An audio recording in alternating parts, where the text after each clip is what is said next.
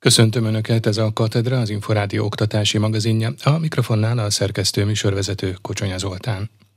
A kormány a járványhelyzetre való tekintettel idén is elengedte a diplomához előírt nyelvvizsga követelményt, így nagyjából 20-25 ezer végzős juthat hozzá okleveléhez nyelvvizsga nélkül.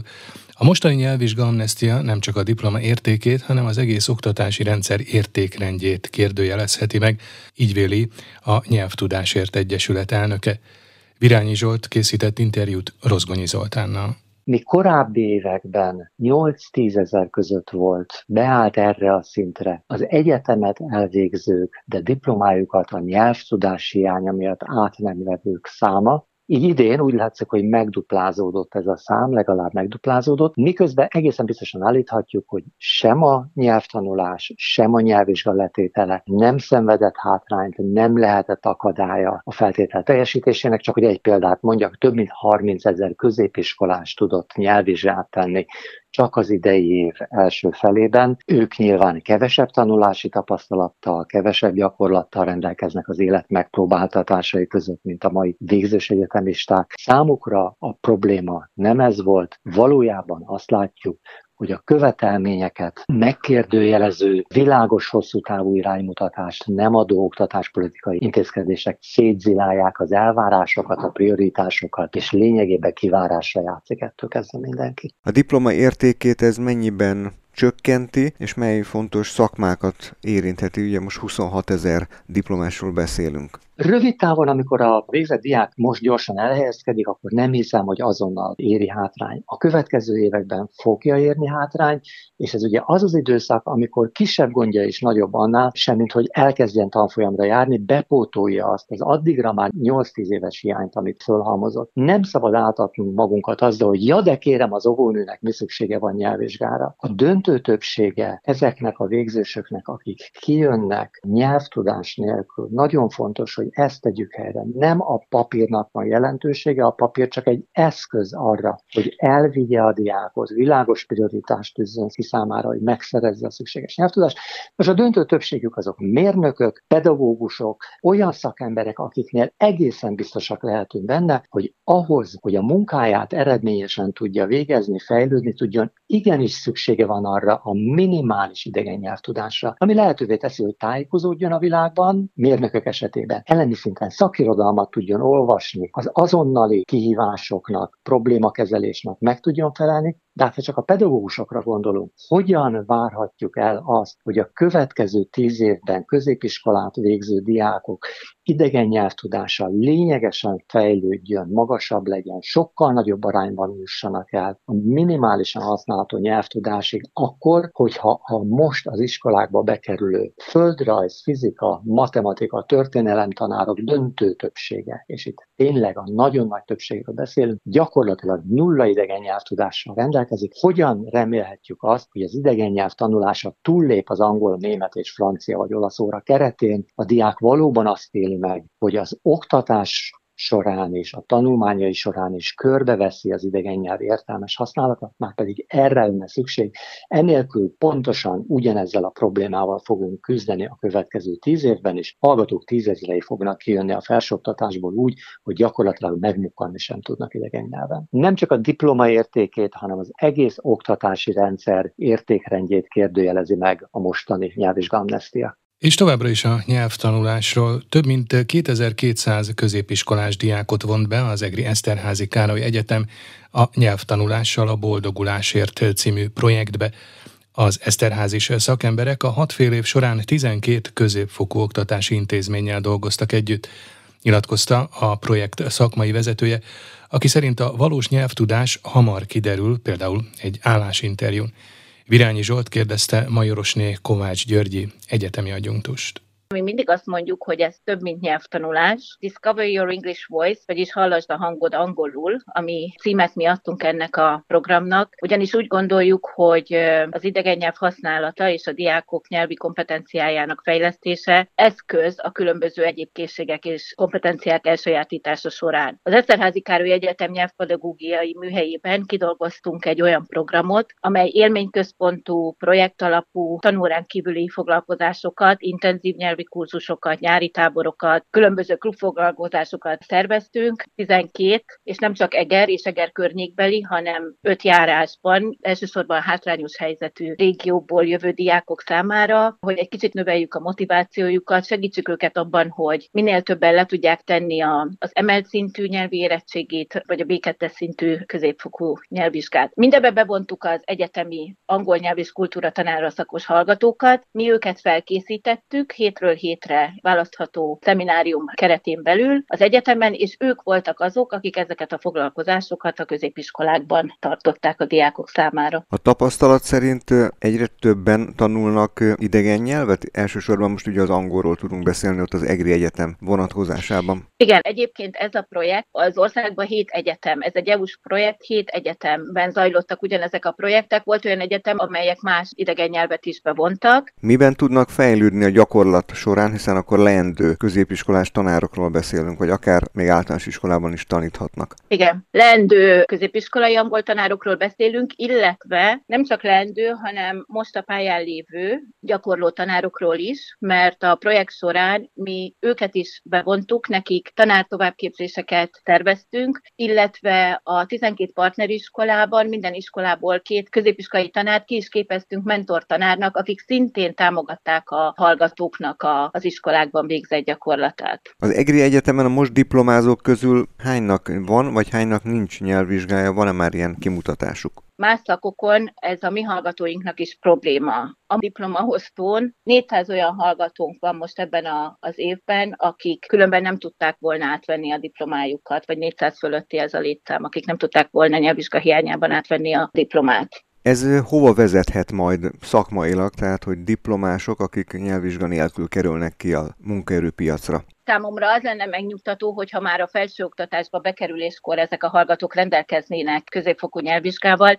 illetve amit én mindig gondolok, hogy ne is a papír, ne is a nyelvvizsga bizonyítvány, az érettségi, a többletpont legyen a cél, hanem a használható nyelvtudás. Mert nem hiszem, hogy bármi olyan terület van, ahol, ahol ez nélkülözhető lenne. De azért azzal is szembesülnek a friss diplomások, hogy egy adott állásinterjún nem is csak a nyelvvizsga bizonyítványt kérik, hanem az interjú során átváltanak angolra vagy egy adott idegen nyelvre, és kiderül, hogy tényleg milyen az a valós nyelvtudás. A történelem érettségi eredményeken meglátszik, hogy elmaradtak a szóbeli vizsgák, ugyanis a diákok több mint fele hármast vagy annál rosszabb jegyet szerzett. Ez derült ki az Oktatási Hivatal statisztikáiból. A matematika eredmények stagnálnak, de jobb lett az eredmény magyarból, angolból, németből és fizikából, valamivel gyengébb lett viszont biológiából és kémiából. Mindennek kapcsán a Nemzeti Pedagógus Kar elnökét, Horváth Pétert kérdezte Virányi Zsolt. Igen, ugye alaposan meg kell nézni szerintem az érettségi eredményeket az előző öt év statisztikájához, vagy akár a tavalyi évhez képest, ahol szintén nem voltak szóbeli érettségik, és ahol szintén a felkészülés egy része digitális oktási formában történt, de azon azért én annyira nem lepődtem meg, hogy a történelmből van talán a legnagyobb visszaesés az eredményeket tekintve, hiszen a történelmi írásbeli és a magyar írásbeli között azért jelentős különbség van szemléletében. Ugye a magyar írásbeli elsősorban azokat a kompetenciákat méri fel, amelyet a 12 év tanulmányából a gyerekeknek el kell sajátítani, szövegértés, érvelés, szövegalkotásnak egy bizonyos része. Kevésbé kötődnek azok a magyar tételek a konkrét tudáshoz, amely a történelemben sokkal inkább jelen van. És igen, azt gondolom, hogy a felkészítésnek, a digitális felkészítésnek a legnehezebb dolga az lett volna egyébként is, hogy a magyarból vagy a történelemből a szóbeli érettségi készítsen fel, és mi a történelmi írásbeli közelebb áll a szóbelihez, hiszen itt konkrét tudást is mér fel. Ezeknek a tételeknek az ilyenfajta rendszeres, konkrét találkozással járó kidolgozása szerintem ez valóban okozott nehézséget a diákoknak. A szóbelire, ami az írásbeli után még egy jó hónappal került volna sorra, biztos, hogy sokan javítani tudtak volna az eredményeiken. Az, hogy a biológia és a kémia eredmények gyengébbek lettek, mint az öt éves átlag, ez sem meglepő, hiszen elsősorban a diákok többsége ebből a két tantárgyból emelt szinten érettségizik, és tudjuk azt, hogy az emelt szint egyébként sem könnyű. Az emelt szinten viszont általában az a tapasztalatunk nekünk is, hogy a szóbeli érettségi körülbelül egy 10%-kal jobban sikerül, mint az írásbeli. Tehát, hogyha itt is ezeket is bele lehetett volna számítani, akkor azt gondolom, hogy szintén hasonló eredmények jöhettek volna talán ki. Csütörtökön jelennek majd meg a felvételi ponthatárok, vajon az egyetemeken, főiskolákon ez a generáció milyen hátrányt szenvedhet, vagy éppen esetleg valamilyen szempontból előnye is lehet? Olyan szempontból, hogy a tudásuk talán kisebb, hogyha mondhatunk egyáltalán ilyet. Ilyen szempontból szerintem nem szenvednek hátrányt az egyetemen, hiszen ott azért lesz idő arra, hogy ezeket tudják pótolni, ha egyáltalán valamiféleképpen a középiskolai tudásból valami hiányzik majd az ottani továbblépéshez. Egészen biztos benne, hogy a pontszámok sem fognak radikálisan változni az előző évihez képest. Az, hogy az önálló munkát előbb kezdhették meg, hiszen akik egyetemre, főiskola, egyetemekre mennek, ők azt gondolom, hogy feltételezhető, hogy a digitális oktatási formában is jobban tudtak boldogulni. Ez akár előnyt is jelenthet számukra. Nyilván azok a hátrányok, amelyeket a közösség formálásában, a közösség miatt szerezhettek volna, azok vesztek el elsősorban. A tudás szempontjából tehát nem kell attól tartaniuk, hogy megbélyegzik őket, hogy na ők azok, akik a koronavírus világjárvány alatt nagyon sokat otthon digitálisan készültek. Én nem igen tartok ettől, hiszen egyrészt mondom, akik szerintem egyetemre készültek, azok sokkal tudatosabban, sokkal önállóban tudtak felkészülni, tisztában voltak azzal, hogy milyen céljaik vannak, és biztos vagyok benne, hogy többségük tudott is tenni ezekért a célokért, és nem visszaéltek, hanem inkább éltek azzal a lehetőséggel, hogy önállóan, akár húzamosabb ideig egy-egy tantárgya koncentrálva tudtak felkészülni. Ha valami mégis tárgyi tudás szerint kimaradt, ennek a pótlására egészen biztos vagyok benne, hogy lesz lehetőségük a felsőoktatásban. Katedra. A Tudás magazinja oktatásról, képzésről, nevelésről. A nyári vakáció során a gyerekek jelentős része tábori élményekkel gazdagodik, ezek azonban nem csak az önfelett játékról, a kalandokról, és akár egy életre szóló barátságról szólnak, hanem gyakran a konfliktusokról is, amelyek megoldásában a kicsiknek felnőtt segítségére van szükségük. Kovács Ildikó önvédelmi szakértő ennek kapcsán kiemeli, több lelki sérülés érheti gyermekeinket a táborokban, mint például fizikai. Virányi Zsolt interjúja. Ugye az elmúlt hetekben ugye elkezdődtek a nyári táborok, egyre több szülőtől érkezik kérdés azzal kapcsolatban, hogy a táborokban esetlegesen felmerülő konfliktus helyzeteket a gyerek hogyan tudja megoldani, szülőként hogyan tudunk segíteni, hogy a gyerek jó kedvel menjen a táborba. Itt ugye azt kiemelném, hogy nyilván ez egy a gyerek számára egy olyan új helyzet, hogy akár egy új helyszínen, új társakkal, új pedagógusokkal találkozik, tehát itt itt alapvetően lehet egy feszültség a gyerekben, amelyik ugye vagy agresszió formájában, vagy egy túlzott visszahúzódásban is megnyilvánulhat. Érdemes ugye szülőként figyelnünk, nap megkérdeznünk, hogy milyen napja volt, mi történt aznap a táborban, hogyan érezte magát. Természetesen, hogyha nincsenek jó élményei a gyereknek, akkor jelezni fogja, hogy ő nem akar menni már másnap, harmadnap a táborban. Na hát ilyenkor kell ugye egy gyors segítség, vagy hát gyors reagálás a szülő részéről, hogy körüljárjuk az adott problémát, és hogy ott gyakorlatban is alkalmazható, hasznos tanácsokkal lássuk el a gyermekünket. Elsősorban olyanokra kell gondolni, mint hogy kicsúfolják a gyereket, beilleszkedési problémája van, ugye új társakkal, új felnőtt személyekkel kerül kapcsolatba, és itt a fizikai és a lelki együttesen jelentkezik, mint probléma? Akár együttesen is jelentkezhet, tehát hogy szóban a csúfolódás, esetleg kiközösítés, vagy akár az, hogy nem játszunk, nem veszik be a játékba a gyereket, de előfordulhat fizikailag is konfliktus, ellökik egymást, lelökik a játékról, nem engedik oda a játékhoz, elveszik tőle azt a játékot mondjuk, amivel játszik, tehát mondjuk fizikai értelemben is előfordulhatnak konfliktus helyzetek, de a gyerekeknél egyébként az is